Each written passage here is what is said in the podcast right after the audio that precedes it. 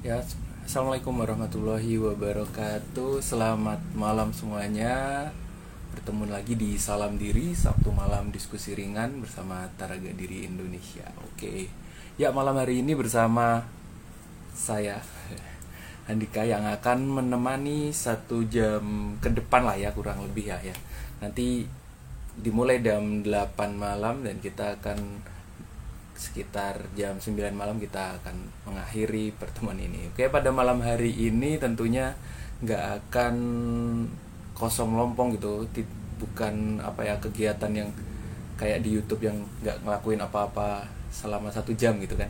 Nah, kita akan ngobrol soal ya selamat malam Kak Ella.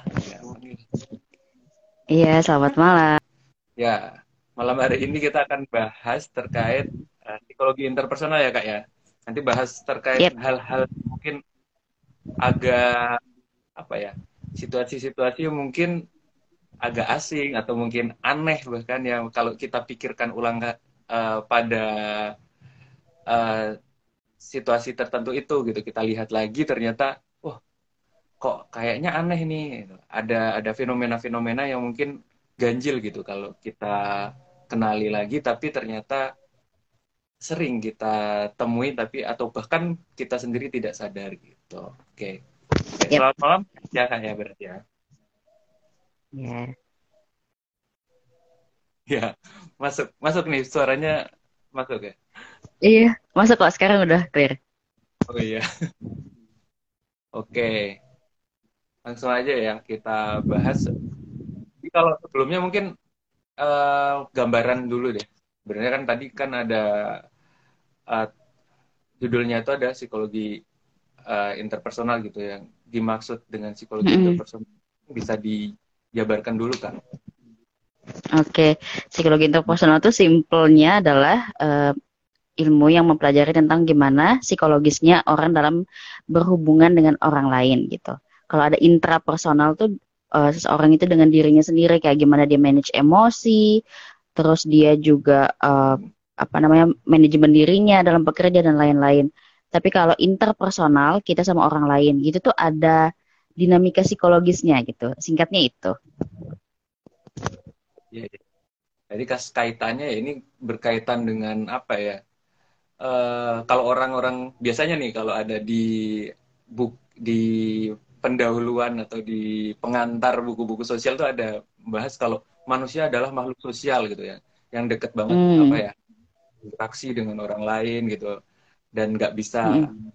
ya harus ada apa ya timbal balik gitu ya ketemu orang lain berkomunikasi berinteraksi gitu dan betul kode bagi informasi gitu ya kasarannya gitu ya. iya benar harus ada timbal balik ya dalam informasi berkomunikasi juga dalam berinteraksi sehari-hari tidak bisa dikatakan interpersonal kalau misalkan ngomong sendiri gitu. Itu lebih ke intrapersonal. Atau kayak ngomong sama orang lain tapi orangnya tidak ngerespon gitu.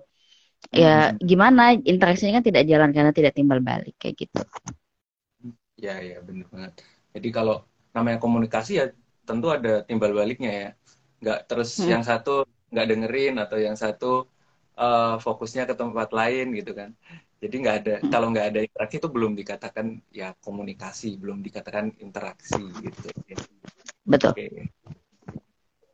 Jadi kalau kalau namanya komunikasi gitu kan, ya berarti kan nggak semua orang tuh kan kalau orang yang dalam kita hidup itu ya kan yang nggak mungkin apa ya kalau keluarga kan kita lahir gitu kan ketemu keluarga kan kita nggak langsung komunikasi gitu kan anak lahir brojol gitu kan kalau ketemu kan bukan belum tentu di apa ya dipertemukan dengan kita harus berkomunikasi kita harus berinteraksi gitu kan tapi kalau seandainya orang dewasa seperti kita gini kan itu kan harus apa ya akan ketemu yang namanya uh, apa ya first meet first meeting gitu ya ketemu orang yang hmm. baru, ketemu orang yang mungkin belum pernah kita temui gitu. Kan itu hal yang berbeda hmm. dengan uh, apa ya? Dengan yang kita sering ketemu kayak keluarga ataupun juga hmm. Sahabat seperti itu atau teman dekat gitu. Nah, kira-kira kalau yep. sebenarnya ada ada klasifikasi nggak sih orang dalam bertemu orang baru gitu? Maksudnya ada perbedaan nggak tuh orang dengan orang lain itu dalam bertemu orang yang baru dia ketemui? Gitu?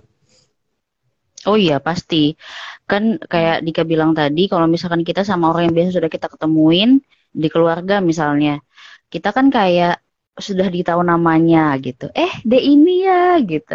Anaknya bu ini hmm. kan gitu. Oh ponakan tante gitu gitu tapi kalau kita ketemu sama orang baru kita kan uh, apa ya uh, belum kenal gitu.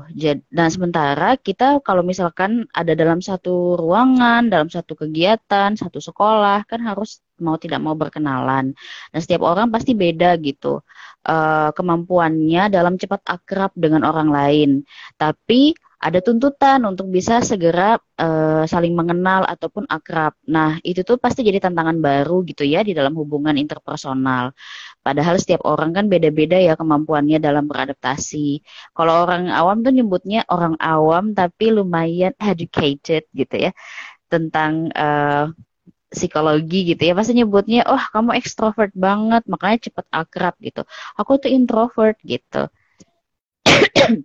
uh, makanya jadi susah eh, nggak uh, bisa baur sama orang dengan mudah misalnya seperti itu tapi sebenarnya tidak hanya soal kepribadian saja apakah dia ekstrovert gampang akrab ataukah dia introvert gitu ada banyak hal yang mempengaruhi gimana sih hubungan interpersonal itu bisa terjalin dengan baik gitu hmm. berarti ada sebenarnya ada yang mempengaruhi orang tuh bisa apa ya bisa langsung nyambung gitu ya dengan orang lain ada hmm. yang prosesnya juga lama gitu ya. Nggak cuma introvert extrovert ya kayak. Ya. Hmm, mungkin mood gitu. Nah. Ya bisa juga atau karena kayak sama usia gitu atau sama jenis kelamin. Lebih gampang, lebih cepat akrabnya. Duduknya sampingan, mau tidak mau harus bicara gitu. Itu juga mempengaruhi. Hmm, berarti ya memang itu ya ya mungkin kalau kasarnya sebenarnya manusia itu juga karena karena tadi ya makhluk berkelompok juga ya dari apa hmm. jadi bagian dari uh, interaksinya dengan orang lain. Jadi mungkin ya nyari yang dekat dengan dirinya mungkin ya mengklasifikasi hmm. yang dekat yang mirip. juga. Ya betul. Ya. Kayak gitu ya kayak. Benar. Uh, berarti Berarti kalau uh, hal semacam itu sebenarnya perlu nggak sih ada basa-basi atau enggak sih gitu? Mm. Kalau dalam kita komunikasi di pertemuan pertama gitu. Ya, memang basa-basi itu memang budayanya timur ya. Kayak basa-basinya hmm. panjang gitu. Tapi sebenarnya di berbagai belahan dunia mana pun itu pasti ada basa-basi. Misalnya contoh orang Amerika itu paling suka memuji ketemu orang misalnya di antrian uh, Alfamart misalnya kayak wah baju kamu bagus banget gitu-gitu. Terus jadinya ngobrol gitu atau ketemu sama biasanya kan mereka ke bar ya. Terus ngomong kayak hmm kamu kelihatan cantik malam ini gitu. Saya traktir minum ya misalnya kayak gitu. Itu kan awal perkenalan sebetulnya. Di kita bahasa basinya uh, biasanya agak-agak menjurus personal gitu ya. Kayak anaknya udah berapa, tinggalnya di mana? Kayak wow too much information ya gitu. Tapi itu kayak uh, apa ya culture kita untuk supaya kita tahu orangnya di mana jadi nemu topik pembicaraan gitu. Memang harus ada basa-basi. Cuman eh, kadang-kadang fenomenanya yang sekarang terjadi ya, kita tuh kadang-kadang tidak mungkin nggak diajarin juga ya secara tertulis. Kalau misalkan ketemu orang baru itu bisanya ngebahas apa aja, itu kan secara instingtif ya. Nggak mungkin dong kita ketemu orang baru terus kita cerita, Bu, kemarin nilai rapot saya jelek atau kayak saya udah berapa kali coba tes CPNS tapi nggak lulus kan nggak mungkin ya cara kita begitu sama ibu-ibu yang kita ketemu di angkot atau pas kita lagi ngantri uh, eh, BBM misalnya pas lagi di pom bensin gitu terus ketemu sama mas-mas di samping Mas, kayaknya saya nggak nikah-nikah ya, kenapa ya gitu? Kan nggak mungkin ya kita cerita seperti itu. Apalagi kalau orangnya memang nggak mau ngomong sama kita gitu. Jadi ada batasan-batasan yang memang tidak tidak tertulis gitu ya. Kalau nggak semua hal bisa di-sharing. Meskipun orang-orang di budaya kita tuh sangat uh, sangat suka bercerita gitu. Bahkan mungkin sama orang yang random yang baru ketemu di jalan tapi kayak udah kenal lama gitu ya.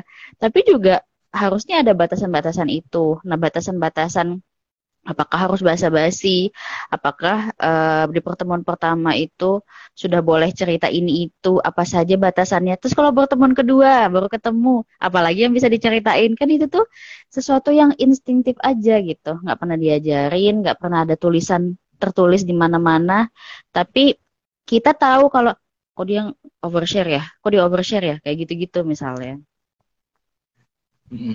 Cuma itu kayak kebiasaan mungkin ya kayak apa ya mungkin malah uh, kalau saya tuh sering nemuin ya di di kebiasaannya di lapangannya gitu emang kok kayaknya hmm. lebih sering kamu ibu-ibu gitu atau orang gitu contoh lagi antri di bank gitu kan terus tiba-tiba nanya-nanya apa gitu kan hmm. yang mungkin emang benar tadi ya uh, uh, nanya yang sangat pribadi yang privat banget gitu kan ya hal-hal kayak gitu gitu Nah itu tuh kayak apa ya? Kalau kayak mungkin kebiasaan mungkin ya kayak ya. kalau kalau mm -hmm. saya nangkepnya gitu kayak gitu kadang kok kadang terus bandingin banding bandingin ada juga seperti itu kan saling yeah. nasib gitu kan ada yang kayak gitu nah, itu kadang saya juga kalau ada hal kayak gitu kalau udah jengkel saya agak jahil gitu kadang jawabnya yang agak jahil gitu kadang seperti itu juga gitu karena memang mm -hmm. situasinya uh, mungkin kesannya agak ada yang merasa terganggu, ada yang mungkin dalam tingkatan tertentu tidak mengganggu seperti itu kayak. Tapi sebenarnya hmm. yang menyebabkan orang itu jadi seperti itu tuh apa sih gitu? Ada. Iya ya, ini sesuatu yang mungkin tidak kita sadari ya, tapi ternyata hmm. ada variabel psikologisnya gitu, ada penelitiannya. Kenapa sih orang suka menanyakan hal pribadi ke orang lain dan suka menceritakan tentang informasi pribadinya, entah itu di sosial media ataupun di dunia nyata kepada orang yang out of stranger, orang yang dia tidak kenal di dalam kehidupan mana pun gitu. Simpelnya adalah orang ini punya muatan emosi yang besar kalau dari berbagai hasil penelitian gitu. Dia punya banyak banget tabungan cerita dan kebingungan, tapi dia nggak punya support system yang memadai. Kenapa saya bilang nggak memadai? Mungkin temannya banyak. Mungkin si ibu ini punya pasangan uh, apa namanya? Maksudnya masih ada suaminya gitu. Tapi menurut dia mungkin dia tidak merasa lebih puas cerita sama suaminya karena mungkin suaminya tipenya yang cuek, yang kayak kayak haho haho gitu. Kalau diajakin cerita, gimana? Apa? Gitu-gitu kan. Atau tipe yang uh, apa namanya? Misalkan ada tuh kita ketemu bapak-bapak atau ibu-ibu yang nyeritain anaknya gitu ya ke anak lain gitu.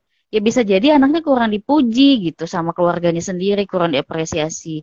Jadi ada muatan emosi dan kebutuhan yang besar di dalam hubungan interpersonal atau sosial yang tidak dipenuhi oleh dukungan sosial sekitarnya.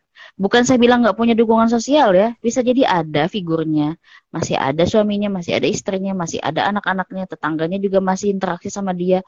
Tapi kayak uh, apa yang dia pengenin gitu loh, kayak pengen curhat nggak ditanggepin, terus pengen memuji-muji anaknya, tapi orang lain bilang apa sih biasa aja gitu-gitu. Akhirnya terbukalah itu semua di uh, dunia nyata ataupun di dunia sosial gitu. Dia dari berbagai usia.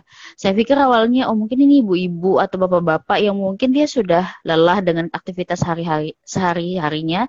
Terus mereka jadi jarang ngobrol ya antara pasangan ini atau sama anak-anaknya nggak terlalu oke okay gitu hubungannya. Tapi ternyata itu juga terjadi di remaja. Kita sering lihat ya anak kecil tuh ketemu siapa nyaman sedikit cerita om aku tuh ini om uh, kemarin tuh lihat mamaku bertengkar sama papaku gitu-gitu kan dia cerita. Ya anak-anak kan dia tidak bisa ngontrol ke siapa dia harus cerita apa yang bisa diceritakan dan tidak ya.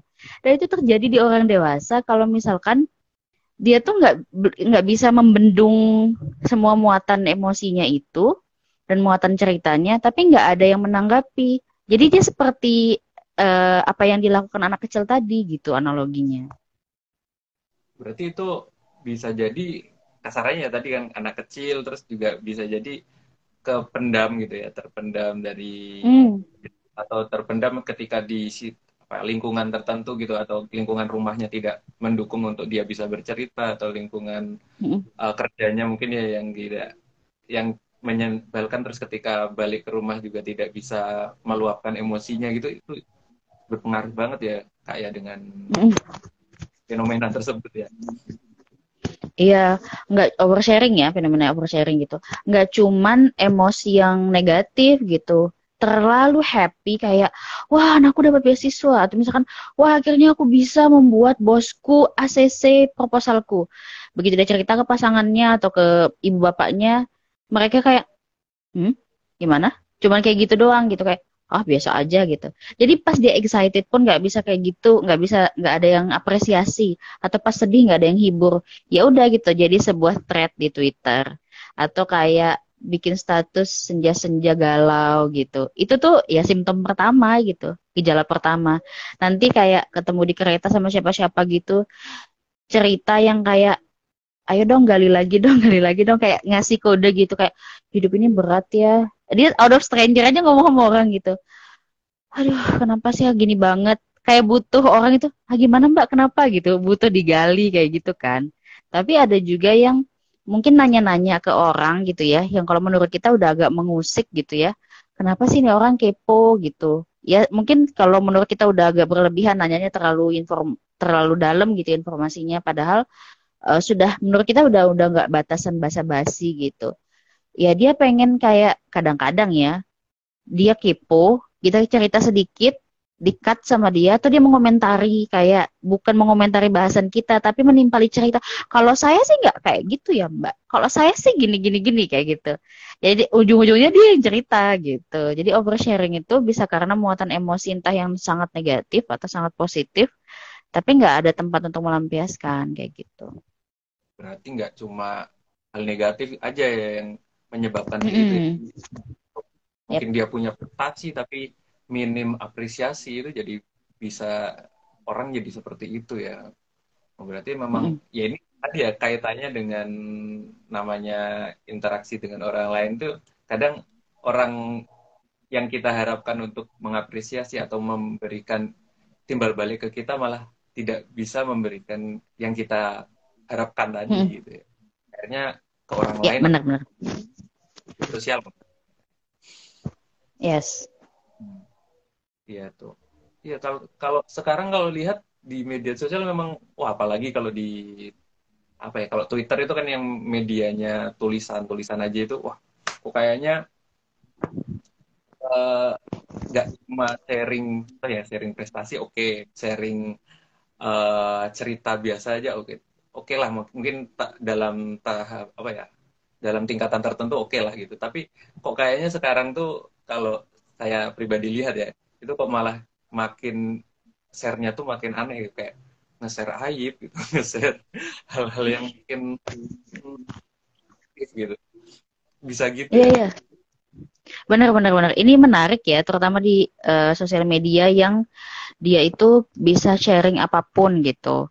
Kalau misalkan boleh kasarannya sih kita jemput merek gitu ya ada sosial media yang ceritanya itu menampilkan foto-foto dan juga video yang membuat orang lain pasti jealous gitu. Karena pasti menampilkan the best of the uh, apa ya, representation of life. Tapi ternyata di waktu yang sama dia tuh sharing sebuah thread gitu ya, sebuah cerita yang kok kayaknya sharing aib gitu di sebuah platform tertentu gitu ya. Terus nanti uh, kalau isinya tuh agak random terus ada tipikal-tipikal jualan itu di sosial media lain lagi di orang yang sama dengan waktu yang tidak jauh berbeda gitu. Artinya kan orang sudah tahu ya budaya setiap sosial media, terutama yang sudah mainnya agak lama gitu. Dan apa yang mau dia share di situ. Artinya kan dalam satu waktu orang tuh bisa merasakan berbagai macam emosi dan kebutuhan kan. Dia pengen jualan juga, tapi dia pengen ngomongin suaminya. Tapi dia juga pengen nunjukin kalau ha aku tuh bahagia gitu. Gunakanlah semua sosial media itu gitu. Cuman again gitu ya kenapa sih harus begitu? Apa sebutuh itu harus sharing di semua sosial media meskipun teknik dan bahasannya berbeda? Gitu kan yang harus dipertanyakan. Ada apa dengan dukungan sosial yang dia punya? Ada apa dengan uh, cara dia menjaga emosi dan juga privasinya gitu. Kenapa harus semuanya di share? Nah, karena nggak semua orang butuh uh, nggak semua orang butuh dipuji-puji ataupun dikomentarin atau butuh saran ya di sosial media. Maksudnya bukan karena butuh kalau dari hasil penelitian ya, kenapa orang sharing di sosial media tuh tidak melulu soal dia minta diapresiasi oleh teman online-nya atau dia didukung gitu. Karena ada juga turn off notification gitu, turn off comments gitu.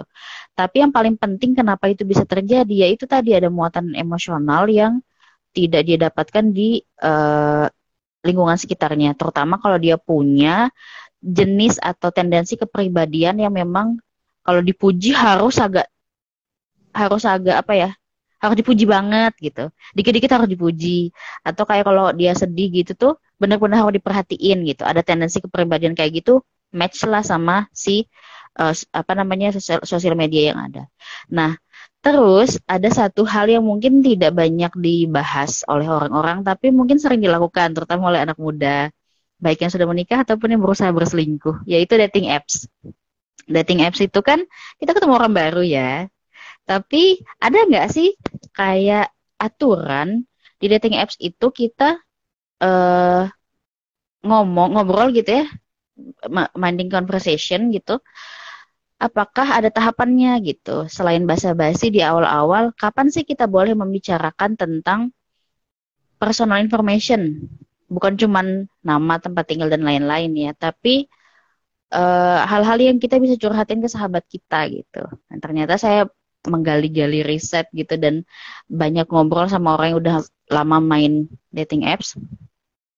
Sebetulnya uh, sudah menjadi fenomena yang tidak rahasia lagi. Orang-orang tuh main dating apps tuh kayak kadang-kadang nggak jelas gitu tujuannya. Terus kalau sudah ketemu sama yang match gitu dia ngerasa kan gini ya nggak semua orang bisa nulis status di forum besar dan dibaca dan di comments.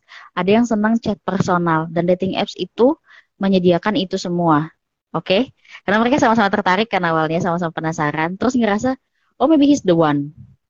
Mungkin dia jadi temanku dan dia mungkin gak akan nyebarkan ini semua karena bukan di beranda sosial media gitu.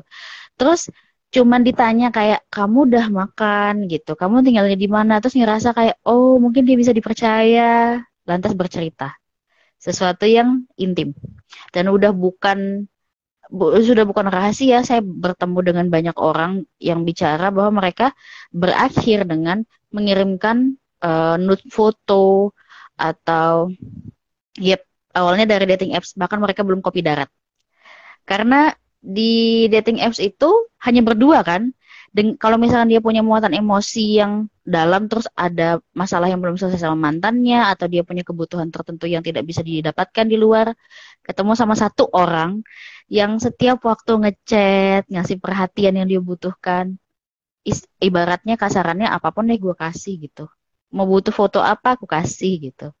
Mau ngirimin apa aku kasih. Kayak gitu-gitu. Tipu masalah uang gitu-gitu. Pas kopi darat kok kayak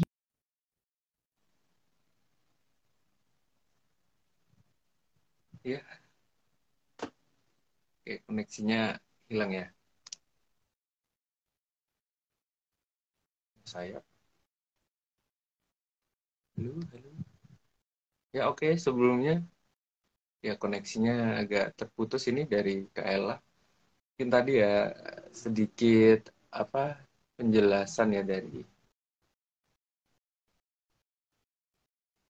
Oh, Oke, dia apa keluar sebentar ya ini.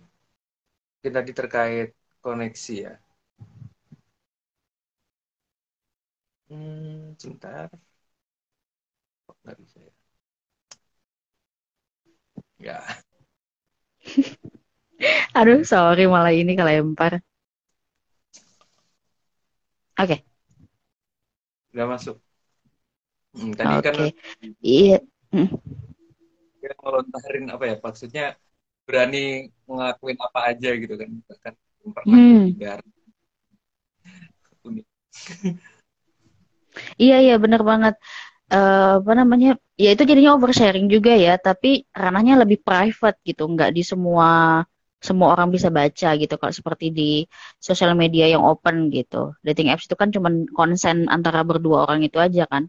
Jadi apa pun bisa dibicarakan gitu. Nah bahayanya kalau si person-person ini uh, tidak secara matang mengetahui batasan-batasan terus juga dia secara emosi juga sedang tidak stabil gitu ya. Ada kebutuhan-kebutuhan tertentu untuk dipuji disayang dipedulikan dan itu dikasih sama pasangan dating apps-nya. Dia tuh akan memberikan timbal balik yang sebetulnya itu bukan belum tahapannya gitu. Karena mereka cuman baru kenalan istilahnya kalau si uh, orang yang kamu baru kenal di dating apps itu menghilang cut off kamu dari ngeblok kamu dari itu udah selesai gitu data-datamu diambil sama dia gitu artinya kan tidak ada tidak ada ikatan gitu. Terus kenapa harus overshare? Tapi fenomena itu terjadi gitu. Kalau ngerasa udah nyaman, orang tuh bisa gampang banget cerita semua hal dan melakukan apa yang diminta sama si uh, ya orang yang menyalahgunakan itu gitu. Iya iya iya. Sebenarnya hal-hal kayak gini tuh apa ya? Yang tapi unik juga gitu kan ya. Bahkan ya kalau uh, ditemuin ya mungkin karena ada media sosial ya jadi uh, fenomenanya jadi meluas gitu maksudnya berubah gitu ya berkembang juga ya terkait pelampiasan atau apa ya peluapan emosi ini ya ya kalau mm. bahkan kalau di beberapa aplikasi kan ada ya yang dia bikin akun yang akun anonim gitu kan ya dia mm. mungkin ada orang ada yang dia mungkin ya sharing hidupnya di ada mungkin bisa tadi ya di dating app juga uh, bikin apa sih akun anonim gitu terus dia apa ya mungkin melepaskan semua gitu. dan iya benar. Unik. Atau mungkin pakai fake account gitu ya. Account gitu. Cukup. Mungkin aneh ya. Aneh ya ketika orang yang mungkin meluapkan gitu. Tapi kan bukan identitasnya secara dia gitu kan ya. Mm. bahkan mungkin ada kalau kita oh ada, ada kejadian nih kayak sebenarnya me, saya alami sendiri gitu. Bahkan ada yang dia ekstrim gitu. Ketika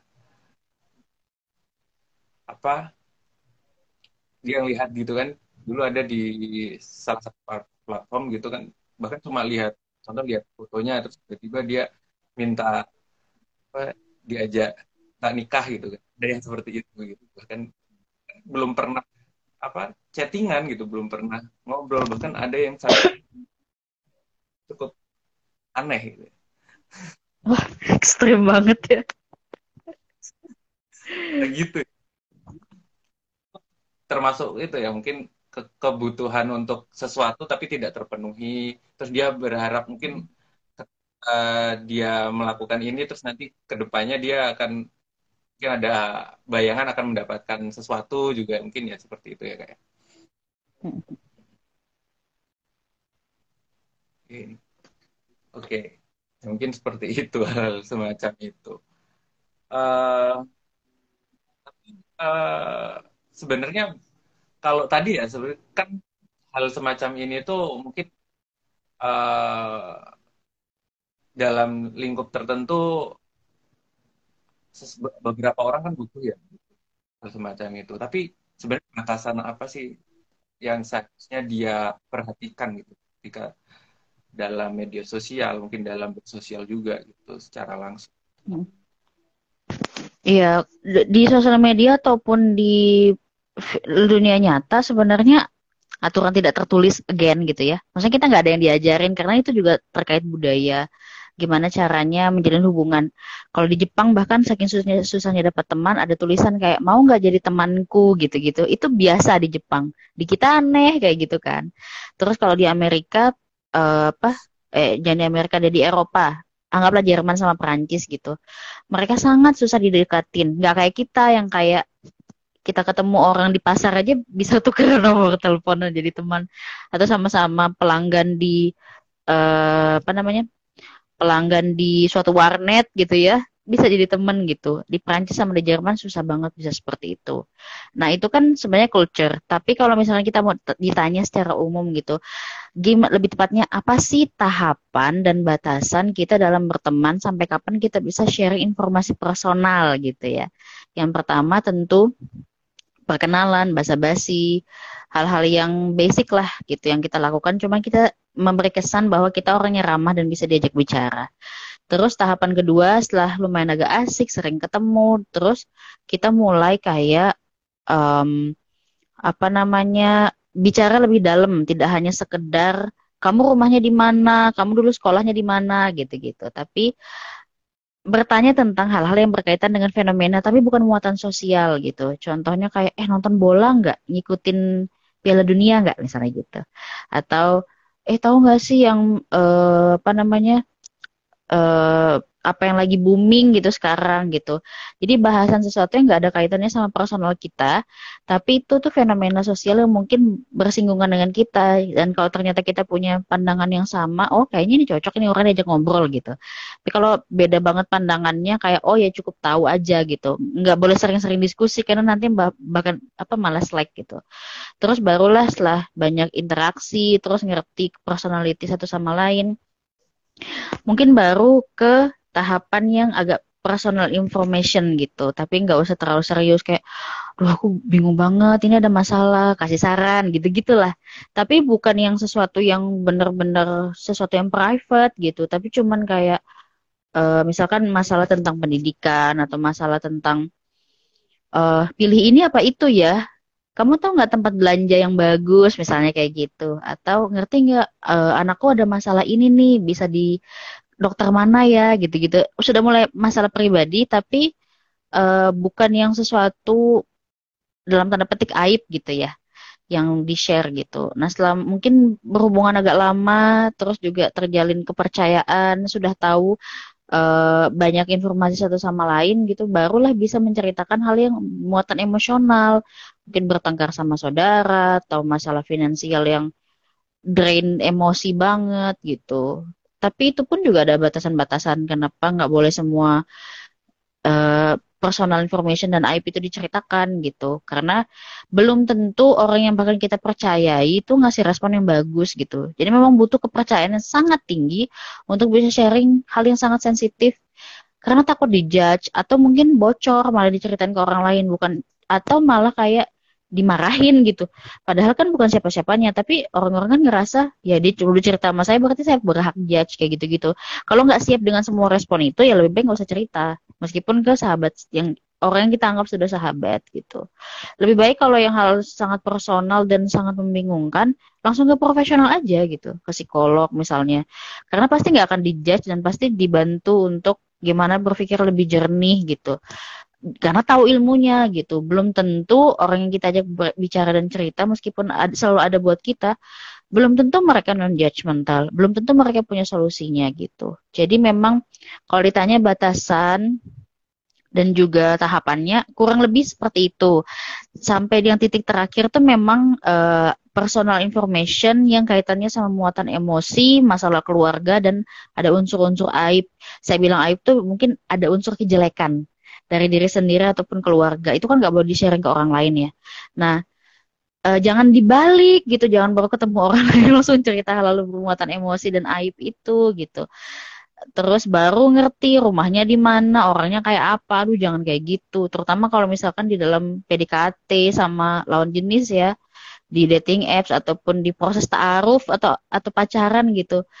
Hanya untuk pengen tahu responnya dia gimana aku mau menguji gitu-gitu. Aduh jangan dulu.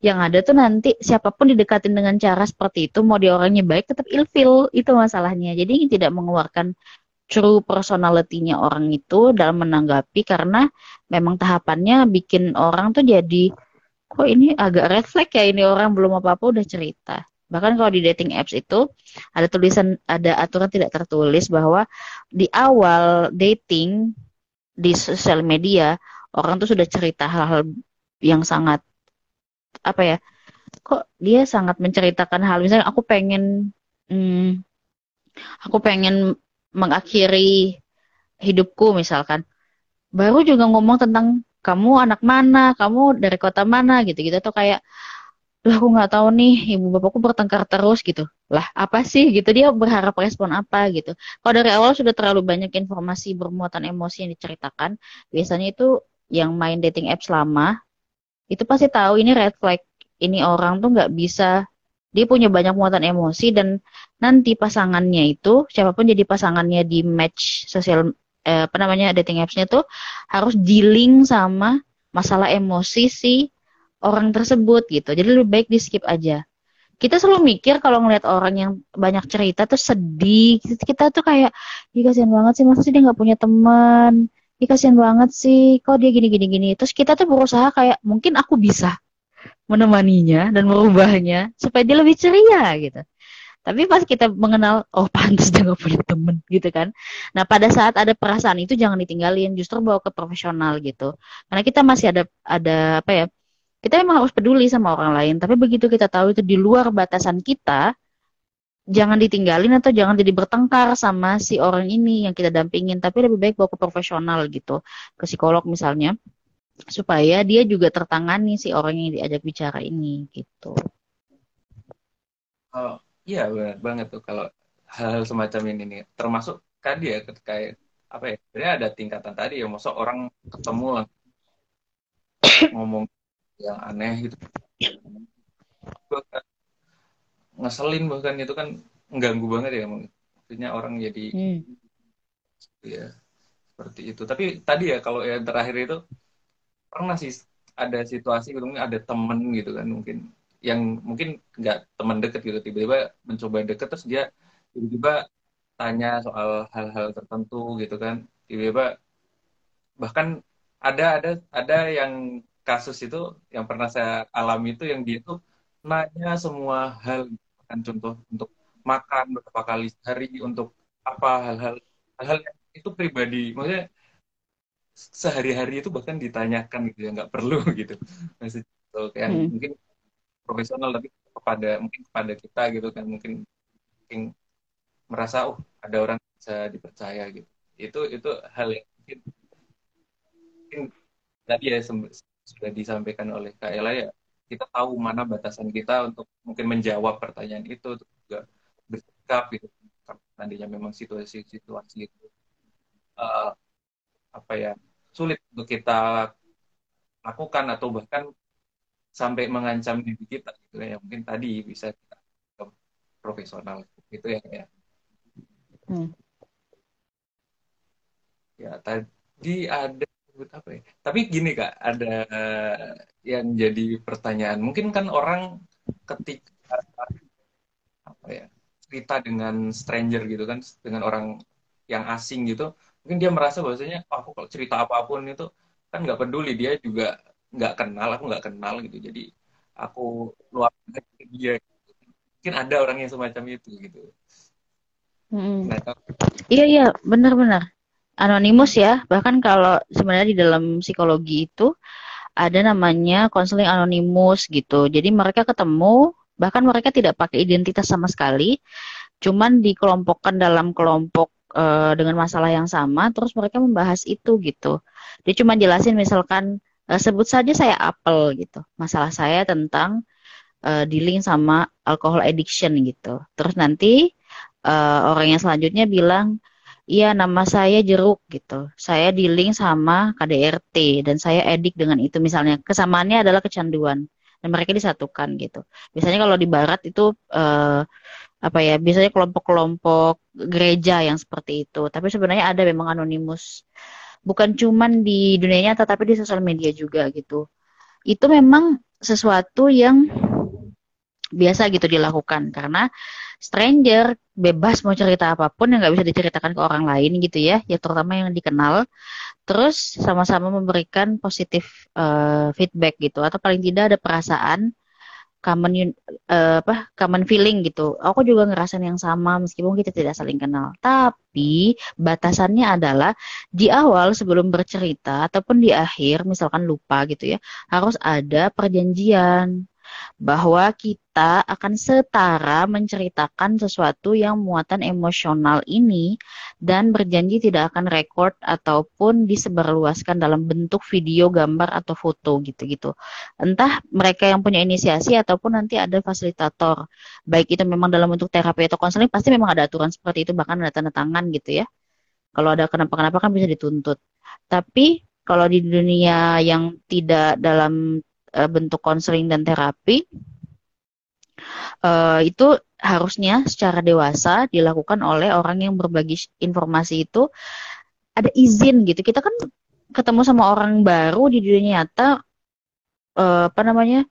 Maaf ya aku agak lagi emosional nih gitu. Kalau kamu merasa keberatan aku cerita uh, apa maaf ya gitu aku kelepasan. Kayak gitu-gitu misalnya. Masa sih di, di sosial media nggak bisa kayak gitu? Di dunia nyata aja kita nggak enak ya. Meskipun dia orang asing tapi kan kita tetap muka gitu. Terus kita bisa lihat ekspresinya ini orang lah kenapa cewek di samping gue tiba-tiba nangis gitu kan. Terus yang nangis nih pasti minta maaf gitu kalau dia baru ngeh kayak aduh kayaknya orang di sampingku nggak nggak sen apa ter, terkejut gitu dengan aku tiba-tiba nangis. Nah sama juga di sosial media hanya karena kita tidak melihat wajahnya dan tidak tahu ekspresinya, bukan berarti etika untuk konsen ya istilahnya meminta izin dan persetujuan itu jangan sampai ditinggalkan gitu. Itu yang jadi batasan. Sehingga dengan batasan tersebut, dengan konsen itu, uh, kita jadi uh, semacam apa ya, batasan boleh cerita atau enggak. Sebelum bercerita atau di tengah-tengah bercerita baru ingat pas ngomong kayak maaf ya aku nggak bisa gini-gini.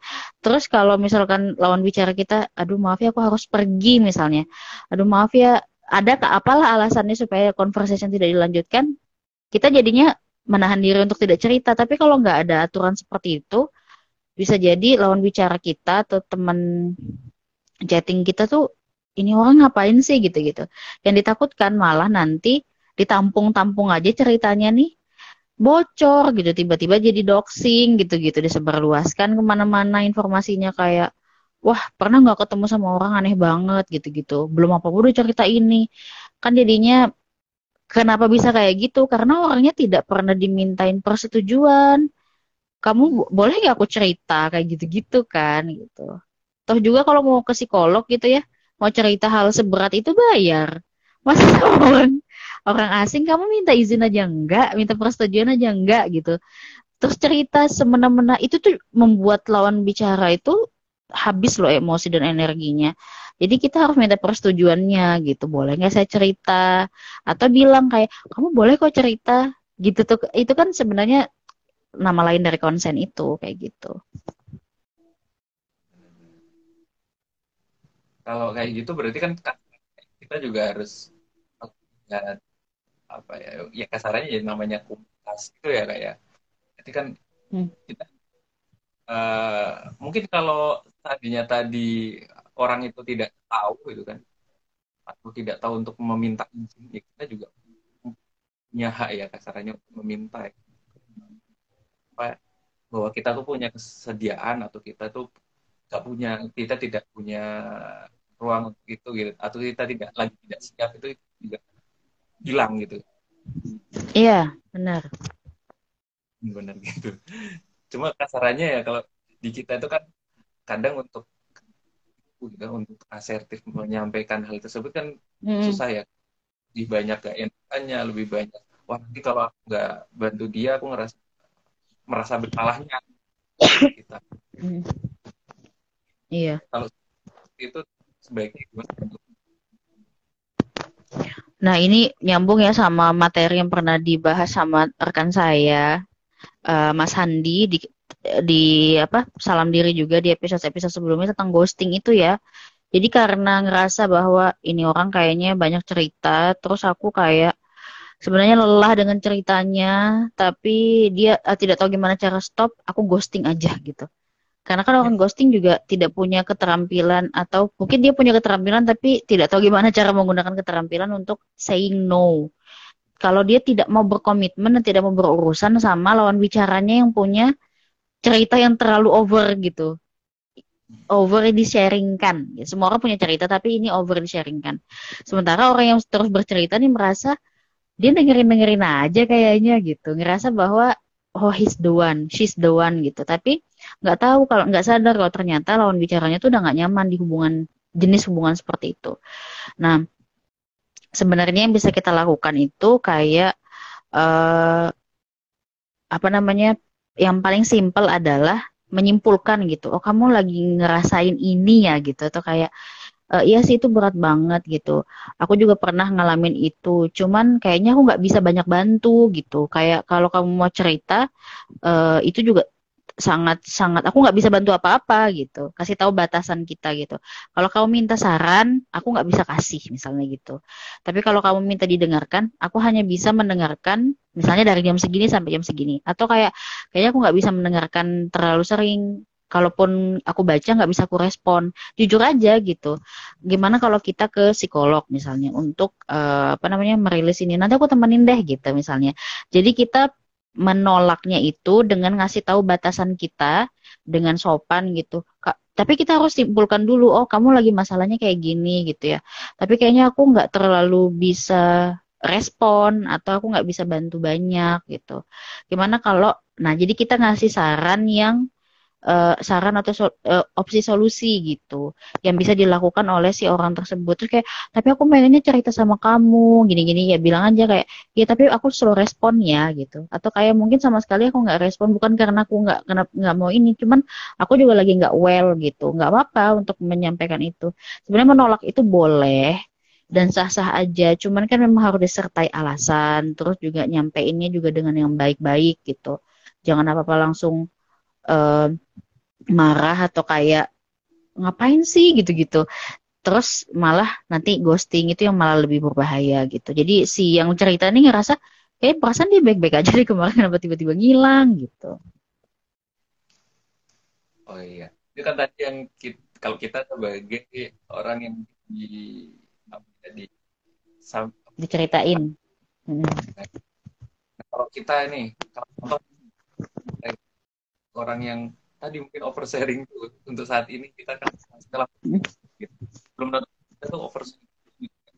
Terus ketemu orang ya ngobrol semuanya gitu semua hal normal. Kan kadang tuh muncul karena udah biasa. Yang harus kita lakukan. Apa yang bisa kita lakukan untuk stop oversharing gitu ya kitanya? ya apalagi kalau kita punya kebiasaan itu gitu ya Oke, ini pertanyaan bagus tapi nggak ada jawaban yang simpel untuk menyelesaikannya karena uh, sebetulnya semua orang itu punya muatan emosinya masing-masing, punya cerita yang pengen diceritakan, punya kebutuhan yang pengen ditanggapi dengan tepat. Cuman kan uh, apa tidak lingkungannya tidak sekondusif itu gitu. Jadi yang bisa dilakukan adalah carilah media katarsis atau media penyaluran informasi, cerita dan um, apa namanya cerita dan juga perasaan kita itu ke media yang benda mati gitu. Kalau misalkan orang-orang di sekitar kita tidak semendukung itu, bisa dengan journaling atau nulis diary, bisa juga dengan berkaraoke, bisa juga dengan olahraga, atau kayak main games gitu. Terus nonton film gitu, atau apa pun gitu yang menurut kita tuh uh, emosi kita bisa keluar. Atau misalkan berkendara sambil ngoceh gitu. Kayak aduh bete banget ya mas si proposalku direvisi lagi revisi lagi. Capek nggak? Capek nggak? Gitu gitu misalnya. Atau kayak misalnya cowok gitu mancing gitu ya. Terus ngomel-ngomel sendiri. Jadi energinya. Ataupun nggak ngomong gitu ya pada saat mancing tapi kan pikirannya itu sudah ke mana-mana gitu kan. Nah harus ada momen yang kita sama kita sama diri sendiri atau sama media yang benda mati itu. Supaya apa yang kita rasakan dan cerita yang kita luapkan tuh keluar tidak harus ke orang lain gitu. Misalkan orang-orang sekitar kita tidak sekondusif itu. Tapi kalau orang-orang di sekitar kita masih bisa diajak ngobrol gitu pada saat dia lagi nggak kenapa-kenapa terus kayak ada waktu ndak boleh nggak saya ngobrol? gitu ada yang mau saya sampaikan terus kayak uh, cerita aja gitu apa yang bilang aja saya butuh didengerin aja atau kayak saya nggak butuh respon apa pun atau saya hanya butuh uh, saran simpel kalau nggak kasih saran nggak usah. Kalau nggak ada saran nggak usah direspon misalnya kayak gitu. Kita lihat mood lawan bicara kita juga kayak gitu. Kalau uh, berarti perihal ini tuh kita ya kasarannya memang kemampuan namanya di komunikasi itu kemampuan untuk bisa di lawan bicara di yang kita gitu ya. Kasarannya seperti benar. Hmm? iya Iya karena kan uh, interpersonal itu kan interaksi dua ini ya dua atau lebih orang gitu. Jadi nggak mungkin kita kayak ucuk-ucuk cerita atau mengeluh atau bertanya, kita nggak lihat konteks siapa lawan bicara kita, apa yang kita mau sampaikan kan di komunikasi itu ada tiga hal. Kita sebagai pemberi informasi atau pesan, pesan itu sendiri berikut dengan medianya seperti apa, dan juga etika yang melekat padanya dan juga si penerima pesan dan tiga tiga faktor ini harus diperhatikan gitu. Tapi kalau misalkan nggak mau berurusan sama yang berkaitan dengan interpersonal seperti tadi, balik lagi yang intrapersonal. Kita yang gimana sama diri kita sendiri. Kita yang membuat media benda mati tadi sebagai tempat pelampiasan kita gitu. Berarti kita bikin rule ke diri kita sendiri ya, bikin aturan ke diri kita sendiri gitu. Oke, berarti hmm. mungkin waktunya wah udah mepet ya. Uh, kita yang pertanyaan terakhir ya. Kan hmm. kalau itu kan tadi ada yang kita itu bikin aturan ke diri kita sendiri, terus kita bikin bagaimana kita merespon orang lain. Uh, kita juga perlu ada concern gitu kan. Nah, kira-kira berarti apakah dalam uh, berinteraksi atau ber apa kita, uh, berkomunikasi itu kita harus mempertimbangkan untung rugi. Hmm. Untung rugi uh, sebenarnya kalau diuntung rugi itu lebih ke kita tuh boleh cerita atau tahapan cerita kita itu sudah sedalam apa kepada siapa yang menguntungkan kita dalam artian uh, uh, dia responnya pasti enak nih gitu itu satu. Terus yang kedua, kita bercerita atau menceritakan masalah kita atau kayak meminta saran dia kepada orang yang pernah kita uh, apa habiskan waktu bersama terus ngerti personalitinya. Dan kita tahu nih bahwa kita bisa timbal balik ke dia suatu hari nanti atau kita sudah pernah melakukan kebaikan dan saatnya pas kita cerita orang ini pasti nggak akan nolak cerita kita tuh nggak akan nolak bantu karena kita pernah bantu. Jadi yang kayak utang budi atau timbal baliknya itu lebih ke situ gitu dalam hubungan interpersonal. Kalau di psikologi interpersonal itu namanya insentif kalau nggak salah. Jadi kita itu akan uh, apa namanya bercerita, berbicara atau melakukan transaksi tidak hanya uang ya, maksudnya minta tolong, terus mempercayakan sesuatu itu hanya boleh kepada orang yang sudah timbal balik gitu. Entah kita duluan yang minta tolong atau kita duluan yang menolong.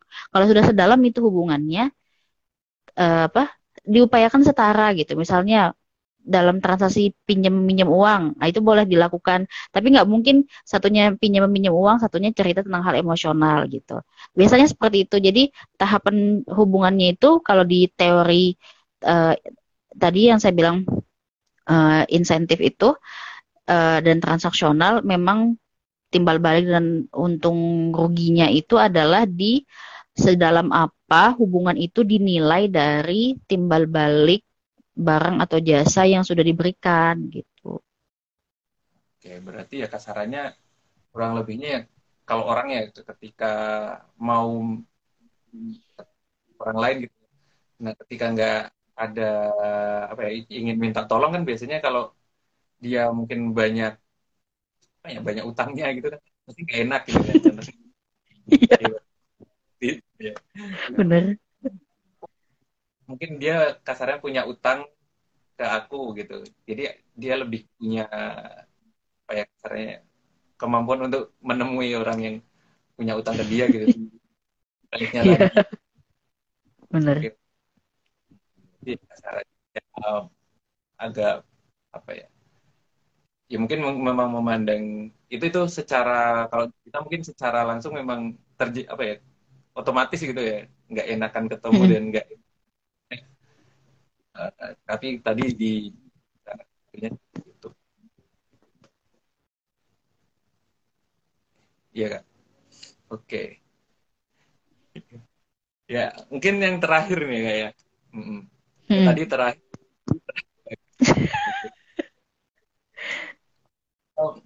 Gini aja deh. Uh, pesannya buat teman-teman semuanya, rekan-rekan semuanya gitu di sini uh, terkait hmm. hal uh, uh, kita memandang fenomena tadi gitu ada yang over sharing ada yang over adu nasib gitu.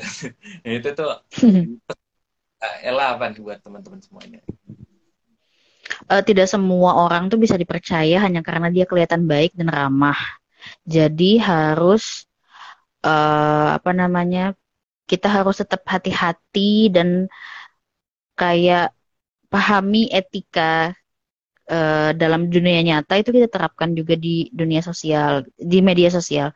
Kalau di dunia nyata kita tidak mungkin sembarang ngumpat orang di depan mukanya, ya jangan typing itu juga di di kontennya orang. Terus kalau di dunia nyata kita ngelihat orang tuh pas kita ngobrol terus orangnya kayak ngantuk atau nggak nyaman kan kita stop biar bercerita ya. Kita akan uh, gimana kamu nyaman gak aku cerita maaf ya gitu. Terapkan itu juga di sosial media gitu. Hanya karena kita nggak bisa mukanya bukan berarti lawan bicara kita nggak punya ekspresi dan perasaan. Jadi tetap be aware uh, bahwa nggak semua orang yang kelihatan ramah itu baik tapi nggak juga semua orang yang dingin tuh jahat gitu. Kita harus lihat siapa lawan bicara kita dan kita juga harus lihat uh, etika etika dasar dalam bersosialisasi di media sosial tuh sama pentingnya dan sebenarnya nggak jauh beda uh, dengan yang kita terapkan di dunia nyata kayak gitu. Terima kasih ya Kak Ella ya udah sharing malam hari ini. Sama-sama. Bermanfaat ya Kak. Oke. Amin. saya tutup bila ada kurangnya dari saya atau ada lebihnya ya silahkan diterima dan jadi pembelajaran buat kita semua. Ya.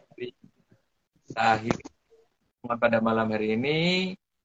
Ya, terima kasih buat teman-teman semuanya yang udah datang pada malam hari ini. Buat yang belum bisa uh, didengarkan di uh, rekamannya di IG juga ada, biasanya nanti muncul di read. Terus juga di Spotify, di YouTube. Nah, kalau di YouTube nanti biasanya dengan tampil berbeda nanti teman-teman bisa. Oke, okay. ya kita akhiri malam hari ini. Semoga bermanfaat. Assalamualaikum warahmatullahi wabarakatuh. Ya. Waalaikumsalam warahmatullahi wabarakatuh.